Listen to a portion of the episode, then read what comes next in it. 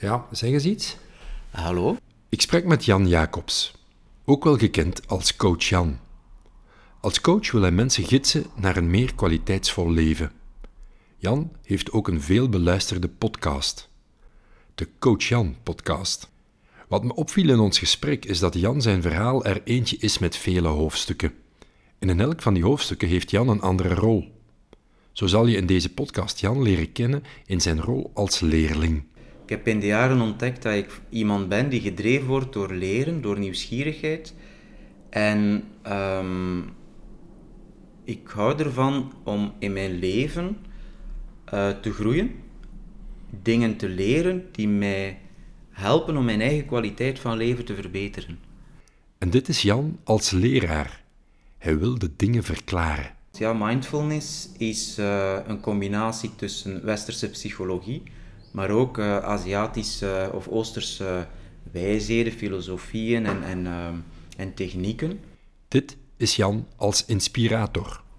Het is niet zozeer dat ik de behoefte heb om mijn geleerde lessen te delen met mensen, maar wat ik intussen begrepen heb, is dat als ik uh, mijn verhalen vertel over dingen die ik tegenkom, dat dat heel vaak mensen, um, dat dat herkenbaar is voor mensen en dat mensen daardoor ook beginnen na te denken over hun eigen verhalen of over hun eigen uh, zaken waartegen dat ze botsen. En zoals elk goed verhaal kent ook het verhaal van Jan doorheen de jaren vele hindernissen en obstakels die overwonnen moeten worden. Ten eerste, ik weet wat het is om gelijk welke drugs te nemen. Wie kan dat zeggen? Noem dit, ik weet hoe dat het is. En tenslotte, in Jan zijn verhaal zit ook een rebels kantje. Ik ben een rebel. Ik ben een... Ik ben eigenwijs. Ik ben... Ik heb mijn gedachten over de dingen en ik ben wel uiteraard bereid om compromissen te sluiten en om tot inzicht te komen en al die dingen, maar ja, ik ben een koppige mens. Ja, ik ben een rebel. Fijn dat jullie er weer zijn. Welkom bij de Story Club podcast. Je hebt zelf een podcast, hè? de Mhm. Coach Jan Ja. podcast. Jij zit vandaag in, in de Story Club podcast. Mhm. Is dat raar om in een andermans podcast te figureren als geïnterviewde deze keer? Ik heb het wel nogal eens gedaan. Ehm, wat ik vooral raar vind, is het... eh, ik ga eerlijk zijn. Als je zelf een podcast maakt, dat, dat ervaarde jij ook, hè, ehm, dan heb je de touwtjes in handen. Hè. En ehm, dan weten waar dat je naartoe wilt. En als je zelf optreedt in iemand zijn podcast, dat is eventjes alle touwtjes loslaten.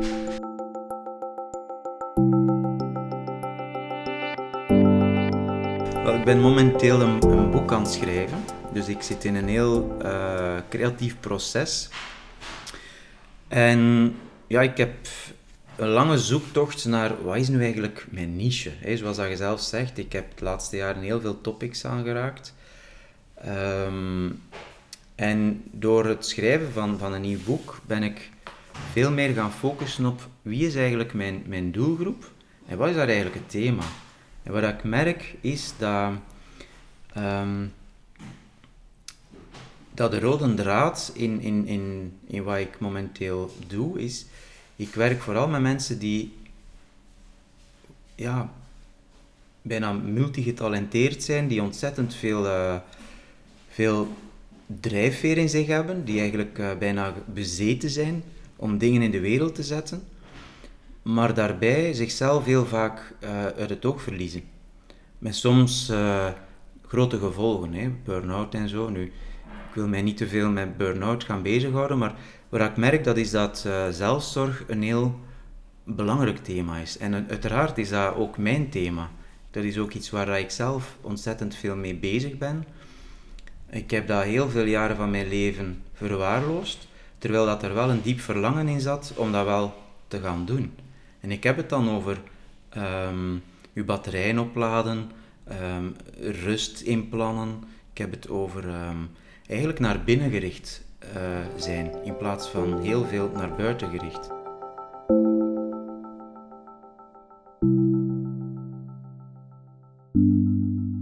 Daarstraks toen we een koffie aan het drinken waren Ja. buiten, zei je, ik weet niet of je dat weet, maar ik ben eigenlijk een boeddhist. Ja. Oké. Ja, ik, ik moet zeggen, ik, ik stond daar niet van versteld, maar dat was zo wel boem. Ja. Ja. Ehm je overvalt mij daar nu natuurlijk wel een beetje mee, omdat ik daar normaal gezien niet zo mee te koop loop. Voor mij, wa- wat is boeddhisme eigenlijk? Boeddhisme is persoonlijke ontwikkeling. Is eigenlijk ehm, de ontwikkeling naar een kwaliteitsvol leven. Dat is eigenlijk boeddhisme. Boeddhisme is een hele persoonlijke weg. Hoe ben je op dat spoor gekomen van boeddhisme? Goh, dat, is, dat gaat al heel veel jaren terug.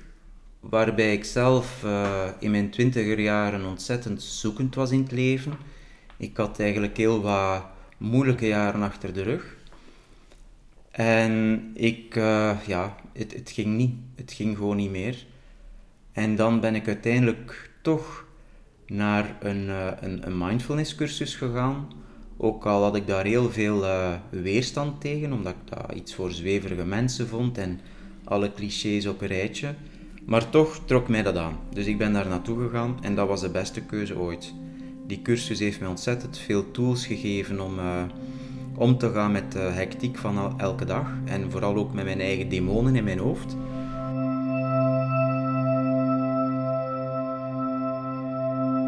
Dat heeft eh, denk ik wel acht jaar geduurd, eer dat ik dan echt mijn gelofte als boeddhist heb afgelegd. Hè.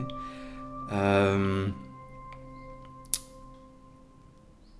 en het was eigenlijk vooral een, een, lange tocht, omdat ik moest uitmaken of dat het mijn ego was die wou boeddhist worden, of, of ik... eh, of, of ja, waarom dat ik dat eigenlijk zo belangrijk vond.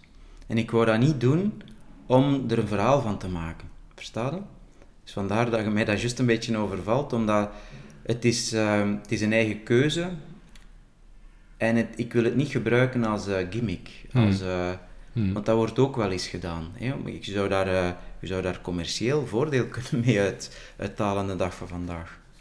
Ehm, en dat wil ik absoluut niet. En dat moest ik eigenlijk uitzoeken die tijd. Maar de roep was zo sterk dat ik op een gegeven moment zei van kijk, het maakt mij niet uit of dat het een kwestie is van mijn ego of dat ik het echt eh, wil. Ik heb het nodig om die gelofte af te leggen om ook weer die drang te kunnen verstillen. Wat ik, wat ik prachtig vind aan, aan, aan ehm, wat, wat je zegt, maar ook wat je, wat je schreef in, in die e-mail gisteren aan mij van dit is de rode draad in mijn leven, is de absolute openheid en het gemak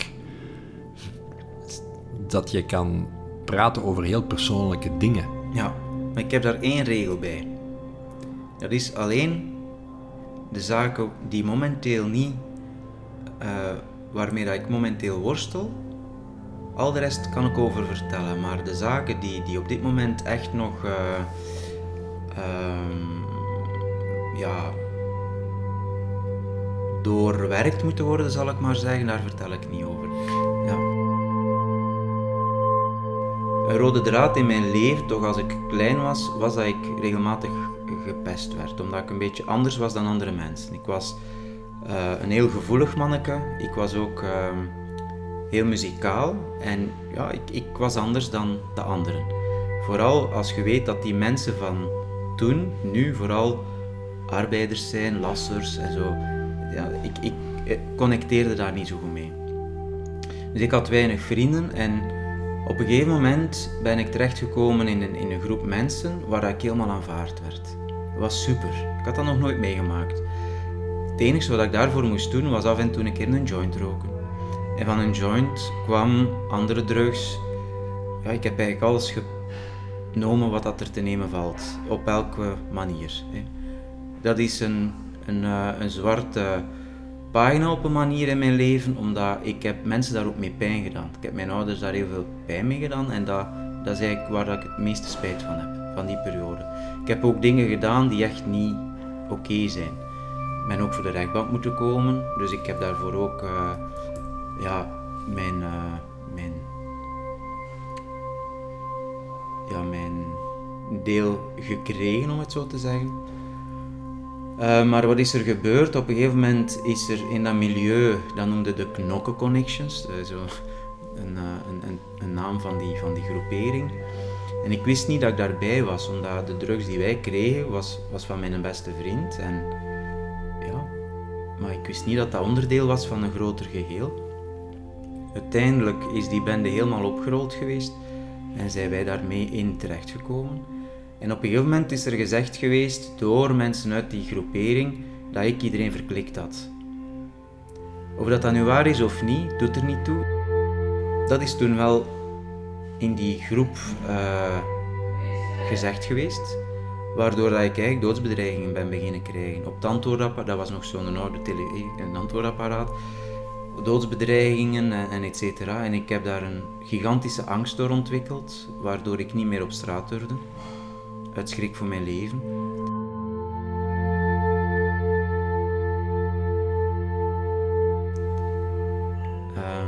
daarmee is alles aan het rollen geraakt uiteindelijk. Hè, maar ja, voor mijn eigen veiligheid ben ik hier dan gewoon. Uh, ja, ik noem dat. On, het was ook onderduiken. Het was in een. Uh, ver van huis, lange tijd. Gaan verblijven. Ja. Wat draag je daar vandaag nog van mee? ja, voor mij alleen maar positieve dingen. Ja.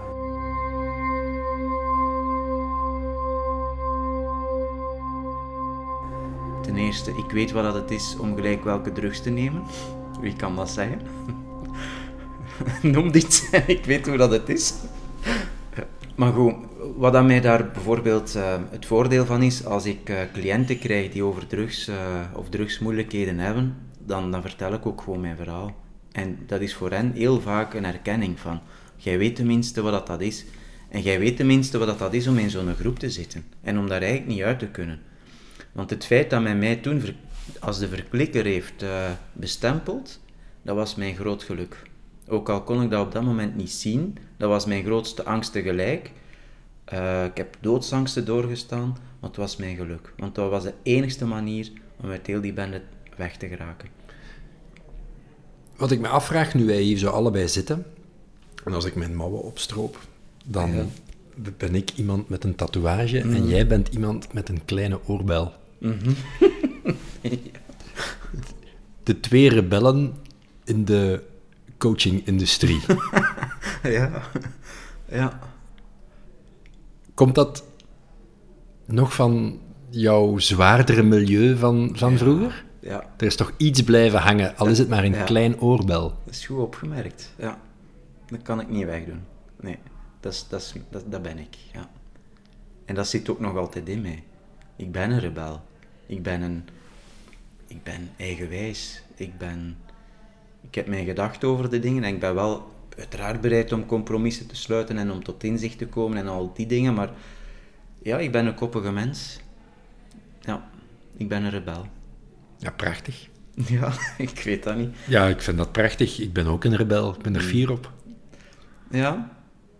Ik, ik heb een leuk boekje gelezen, dat noemde The Freak, the, the, Freak Shall Inherit the World. Dat gaat eigenlijk over uh, mensen die zich zo'n freak voelen van nergens in te passen.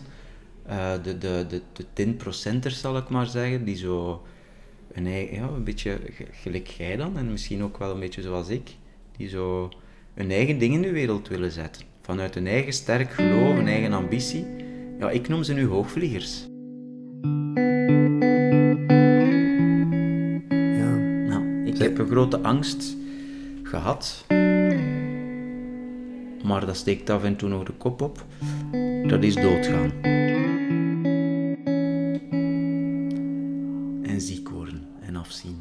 Daar heb ik uh, angst van. Ik heb ook een, uh, ja, ik heb een angst ontwikkeld of uh, gehad ten aanzien van de dood. Dat heeft ook wel een beetje te maken met mijn drugsverleden, waar dat ik uh, drie keer een overdosis gehad heb. Um, en om die angst dan te kunnen, ja, om, om die angst dan te, door, te doorgronden, ben ik dan een jaaropleiding gaan volgen eh, rond uh, boeddhistisch begeleider in de zorg, die vooral toegespitst was op uh, palliatieve zorg. Ik heb eigenlijk een jaaropleiding gehad in, in het dichter bij de dood komen, waar dat we heel veel werk gedaan hebben rond onze eigen dood. Er is een fantastisch boek, One Year to Live, van Levine, waarin dat je eigenlijk uw laatste jaar van uw leven helemaal voorbereidt. Tot het naar een begrafenisondernemer gaan en het kiezen van uw kist, tot eh, het visualiseren van wat laat allemaal achter. Een fantastische oefening, fantastisch bedoel ik uh, ingrijpend en, en ontzettend leerrijk. Hè.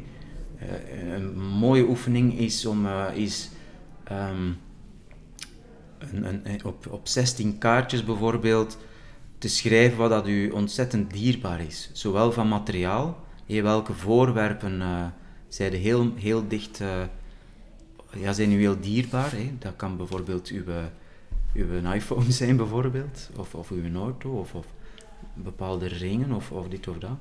Personen, wie, wie is u heel dierbaar? En om, om die op die kaartjes te zetten.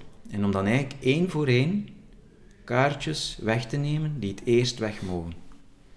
En om die manier te komen tot wat zijn uw laatste, al, allerlaatste kaartjes. En om ook die kaartjes dan afscheid van te nemen. Mag ik vragen wat op jouw kaartjes zou staan, die nog zouden overblijven? Oh, ik heb die nog. Die kaartjes zitten bij mij thuis. Dat zijn mijn kinderen. Dus je hebt de echte kaartjesoefening gewoon helemaal zelf echt gedaan. Is dat niet heel erg confronterend om dat te doen? Dat lijkt mij een hele zware, mentaal zware oefening. Ik weet niet of ik dat zou aankunnen op dit moment in mijn leven, eerlijk gezegd.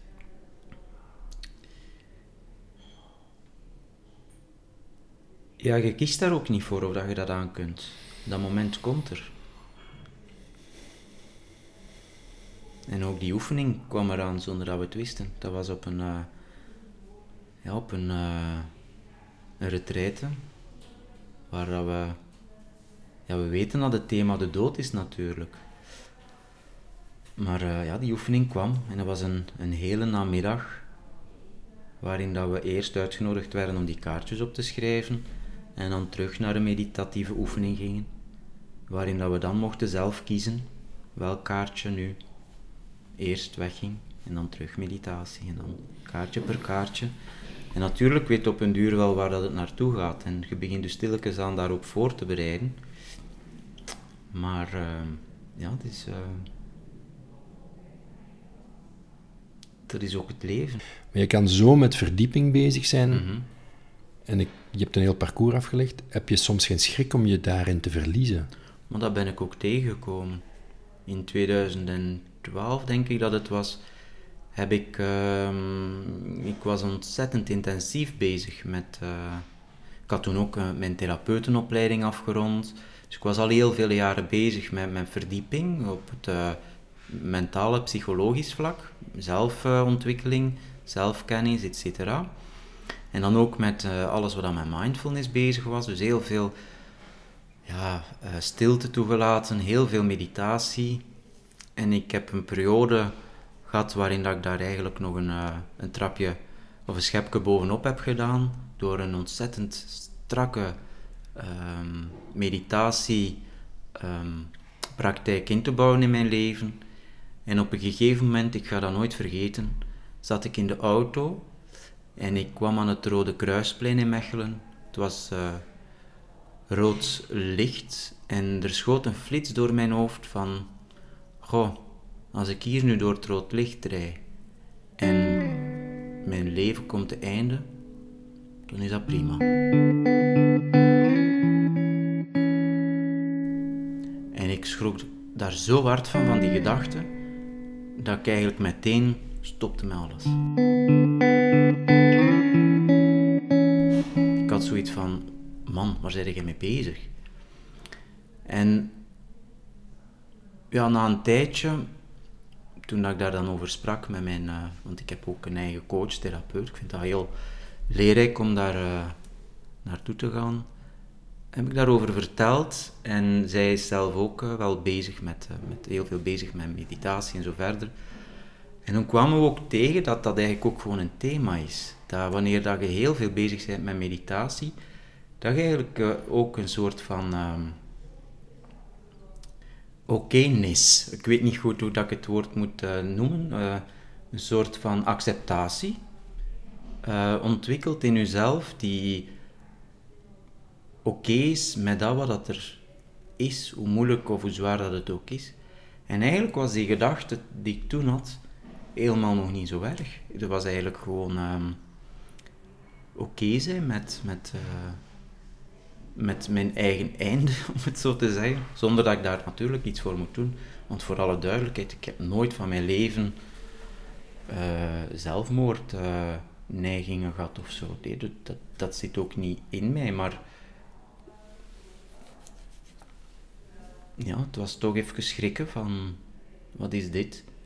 En blijkbaar is dat wel iets wat dat meerdere mensen ervaren wanneer dat ze heel veel met meditatie en ontwikkeling bezig zijn. Een zekere okéheid creëren rond de moeilijkste thema's. Hoe is dat voor jouw omgeving? Want mensen die bezig zijn met meditatie, tijd nemen voor meditatie, mhm je gaat naar een stuk verdieping. Dat maakt je rijker. Bestaat er soms geen gevaar dat je de connectie verliest? Of hoe gaat de omgeving om met iemand die daar zoveel mee bezig is? Is dat een thema dat speelt? Ja, absoluut. Dat is een thema die heel gekend is. Hè? Want als je jezelf ontwikkelt op een bepaald vlak, dan loopt de soms verder dan uw partner bijvoorbeeld. En dan verlies je elkaar daar soms in.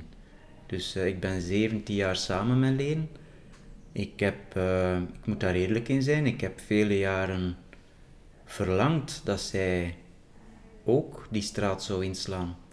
En ik heb verlangd dat zij zou meegaan op meditatie uh, weekends of, of mee zou mediteren met mij.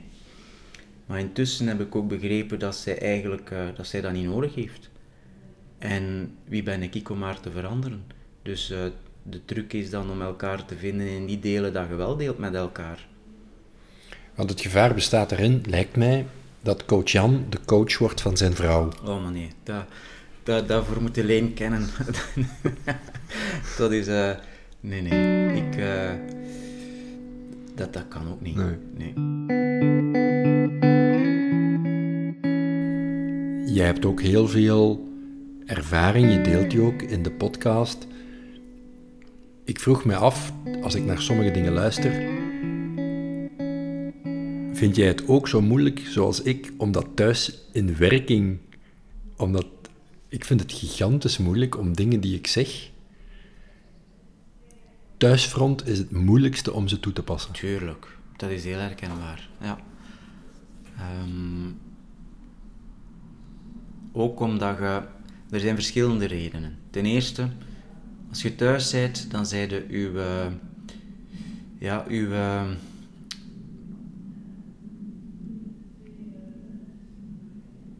Zijn heel vaak ook uw onbewuste ik. Hè? Dat is de plek waar je ook helemaal tot rust komt, waar dat je...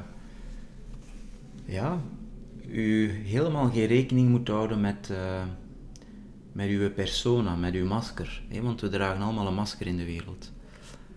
Ehm, verschillende maskers trouwens. Um, dus dat is ook de plaats waar je af en toe eens dat masker kunt afzetten. Nu, een tweede reden dat daar voor heel moeilijk is, is als jij natuurlijk therapeut bent of coach of je gaat uh, als consultant of als trainer, dan heb je op dat moment ook dat mandaat om dat te doen. En thuis heb ik een heel andere rol. Ik ben daar papa, ik ben daar partner, ik ben daar niet coach, ik ben daar, ben daar uh, Jan. En hoewel ik probeer als coach of directeur helemaal Jan te zijn, nog altijd heb je dat petje op op dat moment van coach of directeur. Terwijl ik thuis geen petje op heb. Ik ben daar gewoon puur Jan, papa. Uh, ik word daar ook kwaad als mijn kinderen iets doen die niet mag. Ik word daar soms ook verhit. Ik, eh, ik maak ook al eens ruzie met Leen, waar dat soms de koffers beneden staan. En dan denk ik van waar is mijn, uh, mijn, mijn, mijn, mijn meditatieve stilte? Hè? Of, nu, in tussentijd heb ik natuurlijk heel veel stappen daarin ook gezet. Hè? Als wij ruzie maken, dan ga ik naar mijn praktijk, dan ga ik gaan mediteren. En krijg ik soms het verwijt van ja, loop maar weer weg. Hè? Of als Leen een keer uh, weggaat, dan durf ik ook wel eens roepen van. Hè. Maar dat is ons reptielenbrein. Ons reptielenbrein doet die dingen. En ik heb dat reptielenbrein helemaal aanvaard. In die zin dat wanneer dat, reptielenbrein aan het werk is geweest en dingen gedaan heeft die niet oké zijn, dat ik na vijf minuten tot inzicht kom en daarin ook actie onderneem. Terwijl dat ik vroeger na vijf minuten ook tot inzicht kwam, maar dat ik dan zo koppig was dat ik bleef hangen in die ruzie of dit of dat. Nu kan ik zeggen van, allee, kom, wat zijn we hier weer aan het doen? Hè? Of uh, spijt mij, of uh, verstaat ja. U luisterde naar de Story Club podcast met Jan Jacobs. Als je meer van dergelijke verhalen wil beluisteren, ga dan naar Facebook, volg ons daar en zo kom je automatisch op het spoor van elk nieuw verhaal. Je vindt ons onder de naam de Story Club podcast. Volgende week praat ik met Gert-Jan van Hellemond. Het is de zanger van Douglas Firs. Het is ook een man met een podcast. Op Radio 1 Wanderland gaat hij wandelen met bekende en minder bekende artiesten en luistert hij naar hun verhaal. Een podcast die ik je hard kan aanbevelen. Maar deze keer had ik dus Gert-Jan zelf in mijn podcast. Alvast tot dan.